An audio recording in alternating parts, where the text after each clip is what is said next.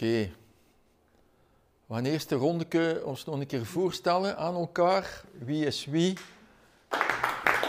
Oké, goed. Jullie zitten hier in uh, een workshop die ik morgen ook nog een keer geef. Waarom? Omdat we, zoals ik al juist zei, we zijn volop met iets nieuws bezig. Zo nieuw is dat nu ook weer niet, maar voor stotteren is het zeker nieuw. En dat noemt 360 video en ik heb daarbij gezet stottertherapie. Uh, ik heb daar juist een uh, formulier moeten invullen. Ik ga dat nu nog ook geven, subiet, uh, Eddy. Wat is dat eigenlijk? 360, 360, 360 graden, rondom rond, dat is 360. En ik heb meegebracht, we hebben, en we gaan er zo een aantal hebben, we hebben zo een bril, een VR-bril noemen ze dat, VR, Virtual Reality, die we uh, gaan gebruiken in de logopedie. Waarom? Dat ga ik u dan direct verder uitleggen. Dus er is een verschil tussen virtual reality en 360. Hè. Virtual reality, dat zijn meestal avatars die ze maken of programmeren. Monsters of spelletjes, schietspelletjes. Dat zijn meestal in een niet bestaande wereld. Hè. Uh, Fortnite, je komt dan in een wereld dat je moet schieten, uh, in een speciale wereld. En dus die omgeving wordt geprogrammeerd, softwarematig gemaakt. Hè. 360, dat zijn echte mensen die we gaan filmen in een echte omgeving. En dus de omgeving, als je dat filmt en je zet zo'n bril op en je gaat naar links, dan ziet je wat dat er links wordt gefilmd, rechts, boven, onder, achter. Dus je ziet eigenlijk je omgeving waar dat je in zit. Nu, we hebben al een keer een aantal opnames gemaakt, onder andere, zo ziet er eigenlijk 360 uit, Thomas. Nu, ik ga dan gewoon een keer aanzetten. Dus dat was eigenlijk uh, een oefeningsje dat we zo samen hebben gedaan. En degene die die bril op heeft, die ziet ons zitten en wij stellen vragen aan de man die dus die bril op heeft. Nu natuurlijk, als je dat zo ziet, is dat een raar beeld. Hè? Maar als je in de bril kijkt, dan zie je eigenlijk gans mijn lokaal, rondom rond. Ja, Thomas, dat was plezant hè, ja. dat we dat een keer gedaan hebben. En dan waren we vragen aan het stellen. We waren dan zo wat vragen aan het stellen aan degene die zo gezegd voor ons zat. Voilà. Ik ga straks nog een keer verder doen. Waarom eigenlijk nu die 360? Stotteren is eigenlijk situatieafhankelijk. Dat weet ieder mens die stottert. In de ene situatie gaat Eddy zeer goed praten. In de andere situatie gaat hij niet goed praten. Emile gaat in de ene situatie, sorry, gaat hij eh, um, supergoed praten. Andere situatie gaat wel weer moeilijker. Dus elke situatie is ook anders qua angstniveau. Want wat gaan ons een beetje ambetant maken, hè, dat is die angst die we hebben. Hè. Oei, oei, en hierdoor gaan we meer stotteren. Nu, ik heb een blaadje meegebracht. We gaan direct het heel praktisch maken. Ik heb een blaadje voor iedereen meegebracht en dat noemt een angstenhiërarchie. En dat is eigenlijk iets waar we moeten ons heel bewust van worden. Waarom? Omdat we als we een oefening doen, bijvoorbeeld als ik zo zeggen aan iemand, ga ik naar een apotheker en spreek dan een keer BLS large, die gaat zeggen, ja, ik doe dat niet, Gert, zot. Ik, ga, ik wil ik niet zo gek overkomen. Ik ga dat niet doen. Hè. Dus angst om dat te doen, is dan natuurlijk superhoog. Als je zou zeggen, je sluit je op in het wc en je moet een keer een paar zinnetjes laag zeggen, ik denk dat iedereen zegt, oh ja, zit ik op het wc, niemand hoort mij, niemand ziet mij, ik durf dat. Dus ik ga je dat doorgeven. En wat dat de een keer mocht doen voor uzelf, en dat is natuurlijk, want daar twee, drie, vier minuutjes geef ik u daarvoor de ruimte, moet u zelf een keer beginnen nadenken, wat geeft er mij enorm veel spreekangst of stotterangst? Dat vulde dan bovenaan in, dus je begint eigenlijk met de uitersten. Wat vind je super gemakkelijk? En dat vulde dan hier onderaan in 0% angst. Want die VR-bril die we gaan eigenlijk gebruiken, die gaat dus die angst doen verminderen. En dan ga ik dan uitleggen hoe dat, dat juist gaat, maar neem eentje af en geef door. En dus daar moet je al aan beginnen dat je een keer zelf nadenkt, welke situatie hè, is voor mij super moeilijk, welke situatie is voor mij super gemakkelijk. Hebben we er genoeg nu? Of zijn er, moet er nog eentje komen? Ja, ja, of nog niet. Ja, nog twee, ja. en dus gevuld in. Ik ga, uh, voor u, Eddy, ga ik u ook nog een bladje geven, dat u mocht ook subiet invullen. Wat dat iedereen al heeft ingevuld. En dus ga ik nadenken voor uzelf, wat is er voor mij super moeilijk inspreken en wat is er voor mij super gemakkelijk. En dan moet je een keer denken aan een aantal andere gradaties. Dat bladje zou ook nog moeten invullen. Ja? Je gaat dan nog een keer. Als je natuurlijk voor niks angst hebt, als je zegt ik heb geen angst, ja, dan moet je dat ook niet invullen. Hè? Maar je kunt zo een keer nadenken, situaties, welke situaties bestaan er? Dat kan zijn restaurantbezoek, dat kan zijn spreken voor een groep, solliciteren, dat kan zijn uh, plots op de radio moeten iets zeggen, dat kan zijn ik moet mijn vader of mijn moeder iets vertellen. Dus allerlei situaties die je meemaakt, moet een keer uh, afwegen wat dat er nu moeilijk is of wat dat er gemakkelijk is. En je vult dan een keer voor jezelf in. Als je geen ideeën hebt of veel ideeën hebt, moet je schrijven. Heb je angst, heb je geen angst? Dan een keer gradueel af, afwegen. Wat is er nu voor mij super moeilijk? Wat is er nu voor mij super gemakkelijk? Opbellen, iemand opbellen. Om iemand, ja, 75. Ja, oké dat kan iedereen, je kunt misschien zeggen, dat is nog iets moeilijker voor mij. Of, of iets dat, dus je moet misschien nog een keer een aantal situaties afwegen die, die voor u misschien wel nog iets moeilijker zijn bijvoorbeeld. Als dat niet zo is, dat kan goed zijn dat 50% of 60% hetzelfde is, of 70% hetzelfde is. Heeft iedereen dat zo'n beetje al ingevuld? In feite is het gewoon een keer, dat moet niet, niet volledig, je mocht die blaadjes meepakken naar huis. Hè. Het is gewoon een keer om na te denken stotteren eigenlijk wel een stuk situatieafhankelijk is. Misschien niet voor iedereen, maar voor de grootste groep mensen is dat wel zo.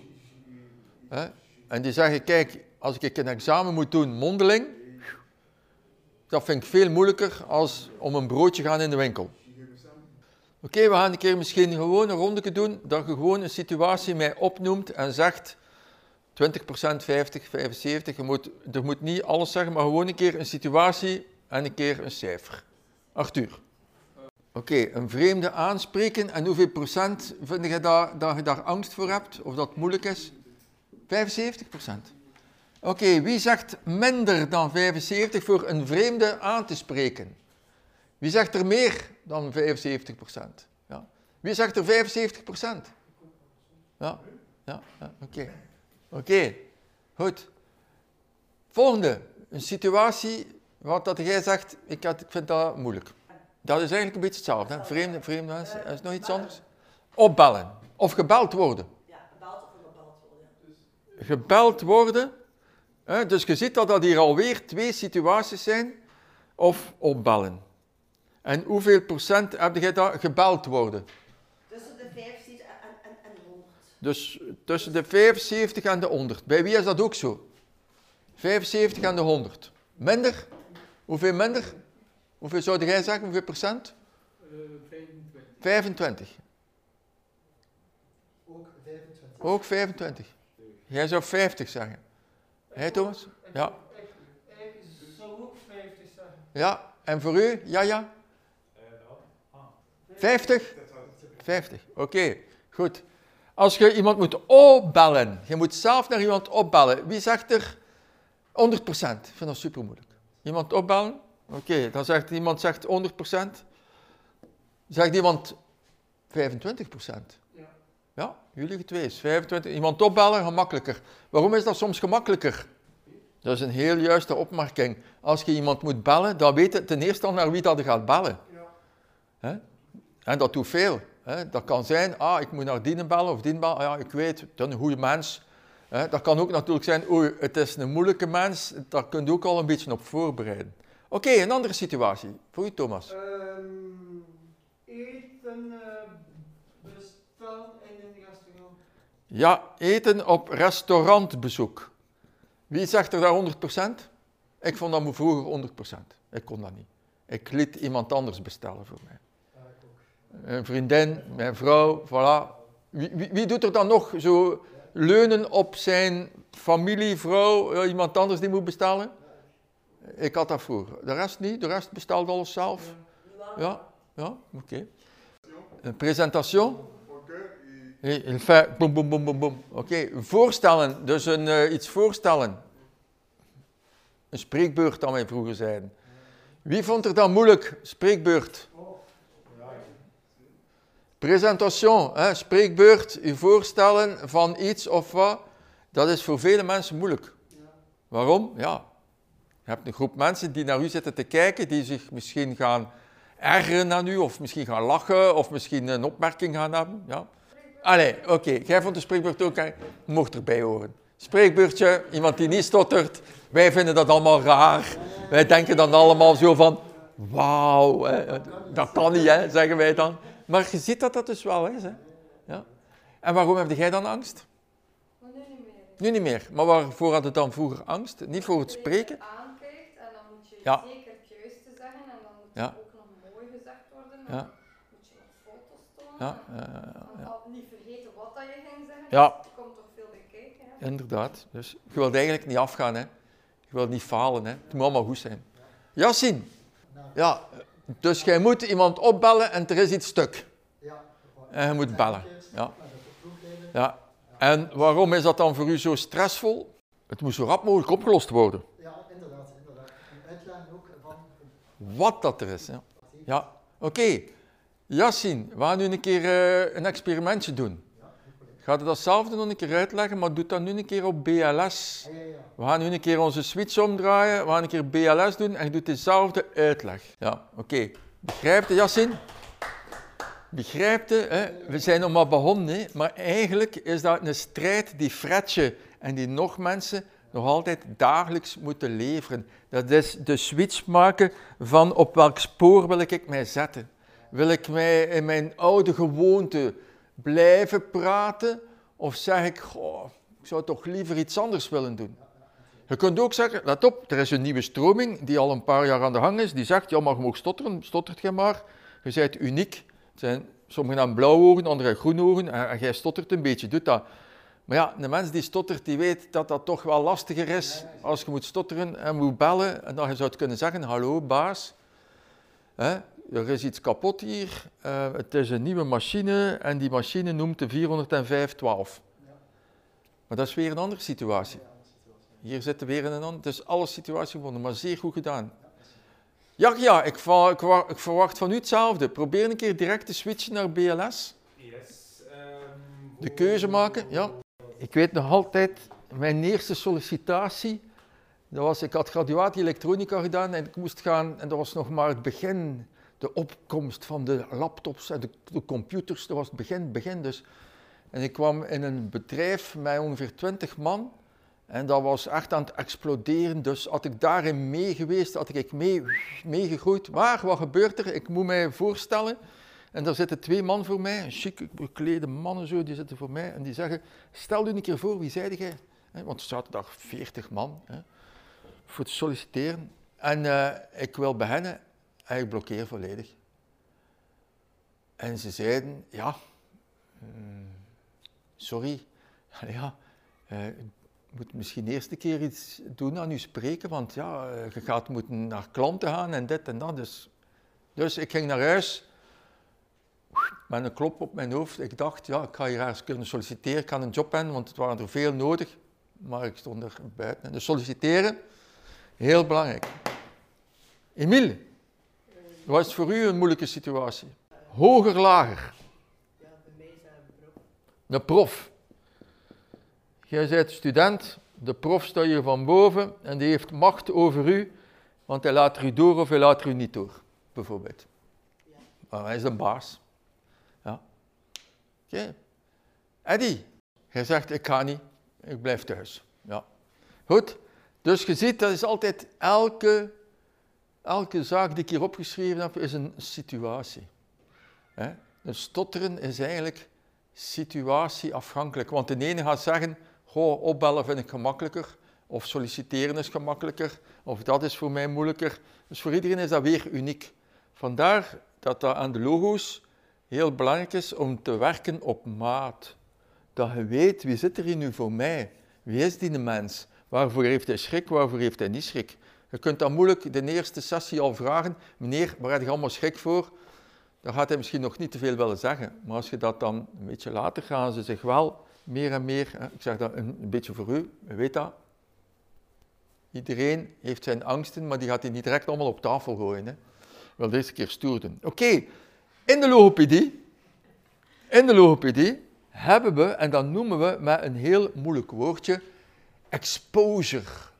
U blootstellen aan. Exposure is een therapie in de psychologie voor fobieën. Bijvoorbeeld, je ziet hier iemand die heeft angst, een vliegangst. Die zit in een echt vliegtuig, maar ze heeft ook zo'n VR-bril op, waar dat je hè, het vliegtuig ziet vertrekken. Als je uit het raampje ziet, dan ziet ze dat vliegtuig begint daar rijden en dan hoort ze ook dat vliegtuig, enzovoort, enzovoort. Het zou nog interessanter zijn, moest ze nog zo'n stoel hebben die ook soms een beetje zo zou eh, schokken. Hè.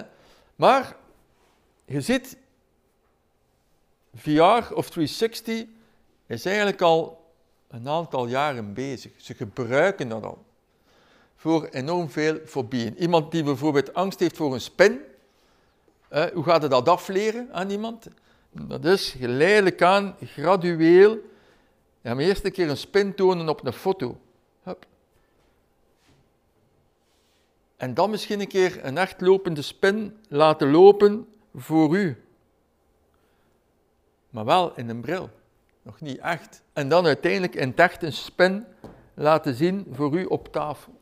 En dat is wetenschappelijk bewezen, exposure logopedie of psychologie, als je mensen blootstelt aan angst, en die angst is bijvoorbeeld zo groot, en hier is een week, twee weken, drie maanden, vier maanden, en je gaat dat blootstellen, uw cliënt blootstellen aan die angst, die gaat die angst afnemen.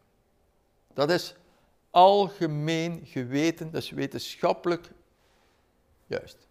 Waarom is dat zo? Ha, ervaring en ideeën. Als je bijvoorbeeld heel veel schrik hebt van een spin bijvoorbeeld, of van vliegen, dan heeft iemand verwachtingsangst. En die verwachtingsangst is bij het vliegen, ik ga neerstorten. Iemand bij een spin is, uh, ja, dat, misschien niet alleen van, ja, het, uh, het, is een kruispin, die gaat mij dooddoen. Uh, maar een verwachting, ik ga, mij daar, ik ga mij daar heel raar op reageren. En hoe gaan we reageren? We hebben altijd drie reacties. Fight, flight en freeze. Vechten, vluchten en bevriezen. En soms hebben we die reactie niet graag in ons lichaam. Um, maar er was zo, eh, het was ooit een keer op VT4 toen nog, het was niet 4. En dat was dat programma Now or Never. Hebben we dat misschien ook gezien? Now or Never. En dat was zo'n programma en dan had iemand een fobie. En dan zeiden ze, dat was met Walter Grootaerts van de Kreuners, en die zei, ja, ik geef u 40.000 frank, want het was nog een frank, als je in een vat vol met slangen gaat zitten. En dan krijg je 40.000 frank. Nu, er is wel een gevaar als je die een exposure niet gradueel laat afnemen, dat, voor sommigen is dat zodanig erg waar dan ze in shock soms van gaan. Als ze zodanig aan die angst worden blootgesteld, dan die flippen. Vandaar dat dat eigenlijk moet gradueel gebeuren. Dus eerst een foto van een spin en, en, dan misschien een filmpje van een spin en dan misschien een klein spinnetje, dan misschien een groter spinnetje. En om den duur is er ook een soort gewenning, want je ervaart, ah, eigenlijk die angst die ik heb, is irrationeel. Dat klopt niet. Er gebeurt niks met mij. Als zij het brilletje op heeft en die gaan vliegen, dan voelt zij of ziet zij, ik stort niet neer. Dan kun je natuurlijk zeggen, ja, maar ja, je zit nu met een bril bezig, maar uiteindelijk gaan die ook echt vliegen. Er zijn opleidingen in Zaventem voor mensen met angst, vliegangst, die ze zo alle zaken laten doorlopen en uiteindelijk, ik denk dat dat drie dagen maar duurt, hè, gaan zij, of een week, dan gaan ze op het einde van de week echt vliegen. Want anders flippen die, hè? Als, als die in het vliegtuig, die willen niet in het vliegtuig bijvoorbeeld. Of ze zitten in het vliegtuig en op een bepaald moment zeggen ze, ik moet eruit, ik moet eruit, ik moet eruit, ik, ik ga niet mee. Ja. Goed. Heeft iemand daar vragen over? Ik denk het niet. Hè? Zoals dat ik hier dan al zei, we gaan stap voor stap in de angst gaan, gradueel blootstellen aan de trigger die u angstig maakt. We gaan altijd van weinig angst naar, uh, van weinig angst naar uh, wacht een keer terugkeren, hè, van weinig angst naar veel angst. Hè. En dan heb je het trap-effect. En dat trap-effect, dat is gewoon het volgende. Hè. Als je een trap opgaat, is elke trede even groot. Dus elke stap die je zet van de ene trap naar de andere trap, is even groot. Als je zo in die angst gaat, ga je uiteindelijk van nul angst naar 100% angst, die, die angstige situatie ondergaan zonder angst. Waarom? Omdat elke situatie die je overwint zo groot, je hebt een succeservaring, oké, volgende stapje is even, een beetje even groot als dat. Hup, volgende stap, en dan noemen ze het trap-effect. Dus, en de angst wordt steeds minder en minder en minder en minder groot. Goed, Daarvoor heb ik nu een keer op die slide een trap laten zien, omdat die tredes allemaal hetzelfde zijn. Dus is ook voor de jongeren dat ik dat gemaakt heb. Stap voor stap, tuk, tuk, tuk, tuk, tuk, tuk, tuk, tuk. en op het einde staat er bovenaan. Dus iemand die bijvoorbeeld oogtevrees heeft, mocht nooit ergens in de wolkenkrabber steken en hem direct aan zijn voeten vasthouden en hem een keer laten voelen wat dat dan is. Hij laat hem eerst op een meter staan dan op 2 meter, dan op 3, dan misschien op een gebouw dat 20 meter hoog is. En om een deur die gaat hij geen angst meer hebben voor en heeft meestal angst voor te vallen en voor te sterven. Maar als je die angsten iedere keer voelt en ermee leert omgaan, hè, je hartslag die plots verhoogt, dan ze zeggen, tuk, tuk, tuk, tuk, tuk, tuk, tuk, hè, je hartslag, tuk, tuk, tuk, tuk, tuk, om een deur heb je dan niet meer. Oké. Ja, nu het staat allemaal geschreven, hè, door 360. We gaan dat misschien een keer laten lezen. Uh, Eddie, jij mocht het eerste zinnetje lezen. Misschien daar iets over zeggen. Ja, veilig. Het is natuurlijk, als je aan je cliënt zegt, ga een keer naar een apotheker en je moet daar iets vragen aan een apotheker en dan laten we soms, dan hebben we soms nog een keer een grapje dan ze vroeger deden bij ons in Nederland. Dan zeggen ze, vraag een keer achter mini-condooms. Je moest mini-condooms gaan vragen. Echt, hè? Echt gebeurd, hè? Mini-condooms. Dus ja, zo, zo een keer echt, we gaan een keer in die angst gaan. Hè?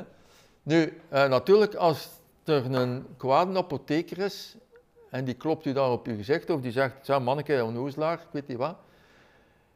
Wij hebben de mogelijkheid van dat we iedere scenario vooraf maken. Misschien inderdaad dan een keer zo'n kwade apotheker. Die zegt, of die zegt, hey, wat je aan het stotteren, wat doe je daar? Maar in het begin hebben we dus de mogelijkheid dat we dat veilig maken voor cliënten. Het volgende, nummer drie. Ja, heel vaak, wat gebeurt er? We sturen een cliënt naar een apotheker. Ja, uh, wat, wat dat er vaak gebeurt, en dat zul jij zeker goed weten, we hebben maar zoveel uurtjes logopedie. En als er dan een cliënt naar, afkomt voor een uur logopedie, en moet dan nog met een cliënt naar de stad gaan om een oefening te doen, en we mogen maar één uur logopedie geven, wat gebeurt er? We hebben geen tijd, dit en dat. En dus wat zeggen ze? Ah, we sturen onze cliënt naar de, naar de apotheker in uw vrije tijd. Dan zeggen ze, cliënt, ga hij een keer zaterdag naar een apotheker en je moet een keer die oefening doen. Maar je weet niet wat dat er dan eigenlijk gebeurt. In die VR-dingen, dan zie je bijvoorbeeld hoe een cliënt gaat reageren. Bijvoorbeeld. Je kunt dat ook zelfs met een smartwatch rond hem doen en een keer zien hoe rap die een hartslag is. Dan zie je, oh man, hè, hartslag gaat hier naar omhoog. Goed, het volgende zinnetje. Ja, als je dan zo'n situatie in de VR-bril hebt, bijvoorbeeld naar de apotheker gaan, en hij doet dat in het lokaal, en, en dat hij zegt, oh, dat was moeilijk en dat was moeilijk, je hebt dan de mogelijkheid voor daar een keer over te spreken. Zou dat niet zeggen, zou je het zo niet doen, zou je dat niet doen? Dat is allemaal, dat allemaal een voordeel. Het volgende. Je kunt dus, als iemand zegt, mijn naam is moeilijk, en je geeft hem een VR-oefening waar dat er iemand vraagt, hoe is uw naam? Hoe is uw naam? Hoe is uw naam? En je doet dat 100 keer, 200 keer, dan kun jij 200 maal uw naam zeggen. Hè? Je kunt dat ook in logopedie doen. Je kan een logo u vragen, hoe is uw naam, hoe is uw naam, of uw vader of uw moeder of uw onkel kan dat ook doen. Hè? Maar als je dan zo'n filmpje zou hebben, je hebt dat filmpje, je zet die een bril op, hè? en ja, dat gaat niet alleen over naam, dat gaat over allerlei situaties, die kun je zoveel keren oefenen hoe dat je maar wilt. En het laatste, ja, dus we, we kunnen situaties, en daar zijn we nu ook mee bezig, met echte acteurs. Hè. Alain Rinkhout, die op mijn Facebook zit, dat is een acteur, die gaat zich daarover ontfermen, dat we met echte acteurs ook gaan werken. Dus dat echte acteurs reacties gaan geven. Zowel van supervriendelijke reacties als van gemene, harde reacties. Ja, wie heeft er daar vragen over, Arthur? Ja, een zeer goede vraag, Arthur. Er is zo'n gast, ehm, zijn naam ontschiet me niet. Garrett is het, ja. Die is van Londen, die woont in Gent en die is dus ook met VR bezig, niet met 360. En die schrijft dus programma's van bepaalde avatars die reageren op wat dat jij zegt. Dus bijvoorbeeld, hij maakt een avatar van een verkoper in een winkel. En hij heeft de mogelijkheid van, hij schrijft iets bijvoorbeeld en die een avatar zegt dat. Maar wat dat er daar zo wat moeilijk aan is, dat is, het is een avatar. Het, het is geen echte mens die u vragen stelt. In 360, dat is heel juist, heb je niet die mogelijkheid van hoe je interacties. Dus je moet al die scenario's, je zit daar geremd in, in die scenario's. Versta je?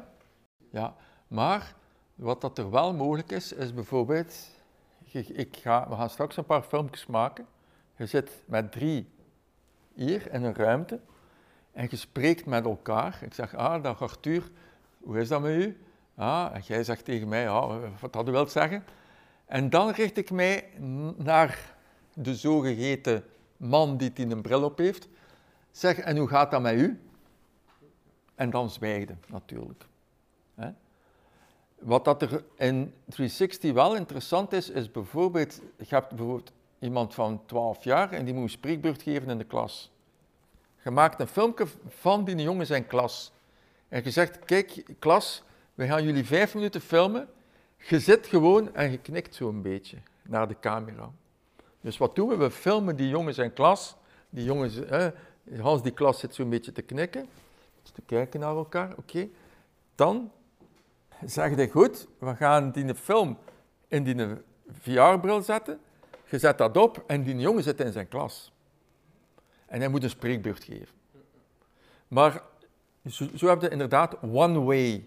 Ik noem dat dan meer dan one-way uh, videofilmpjes.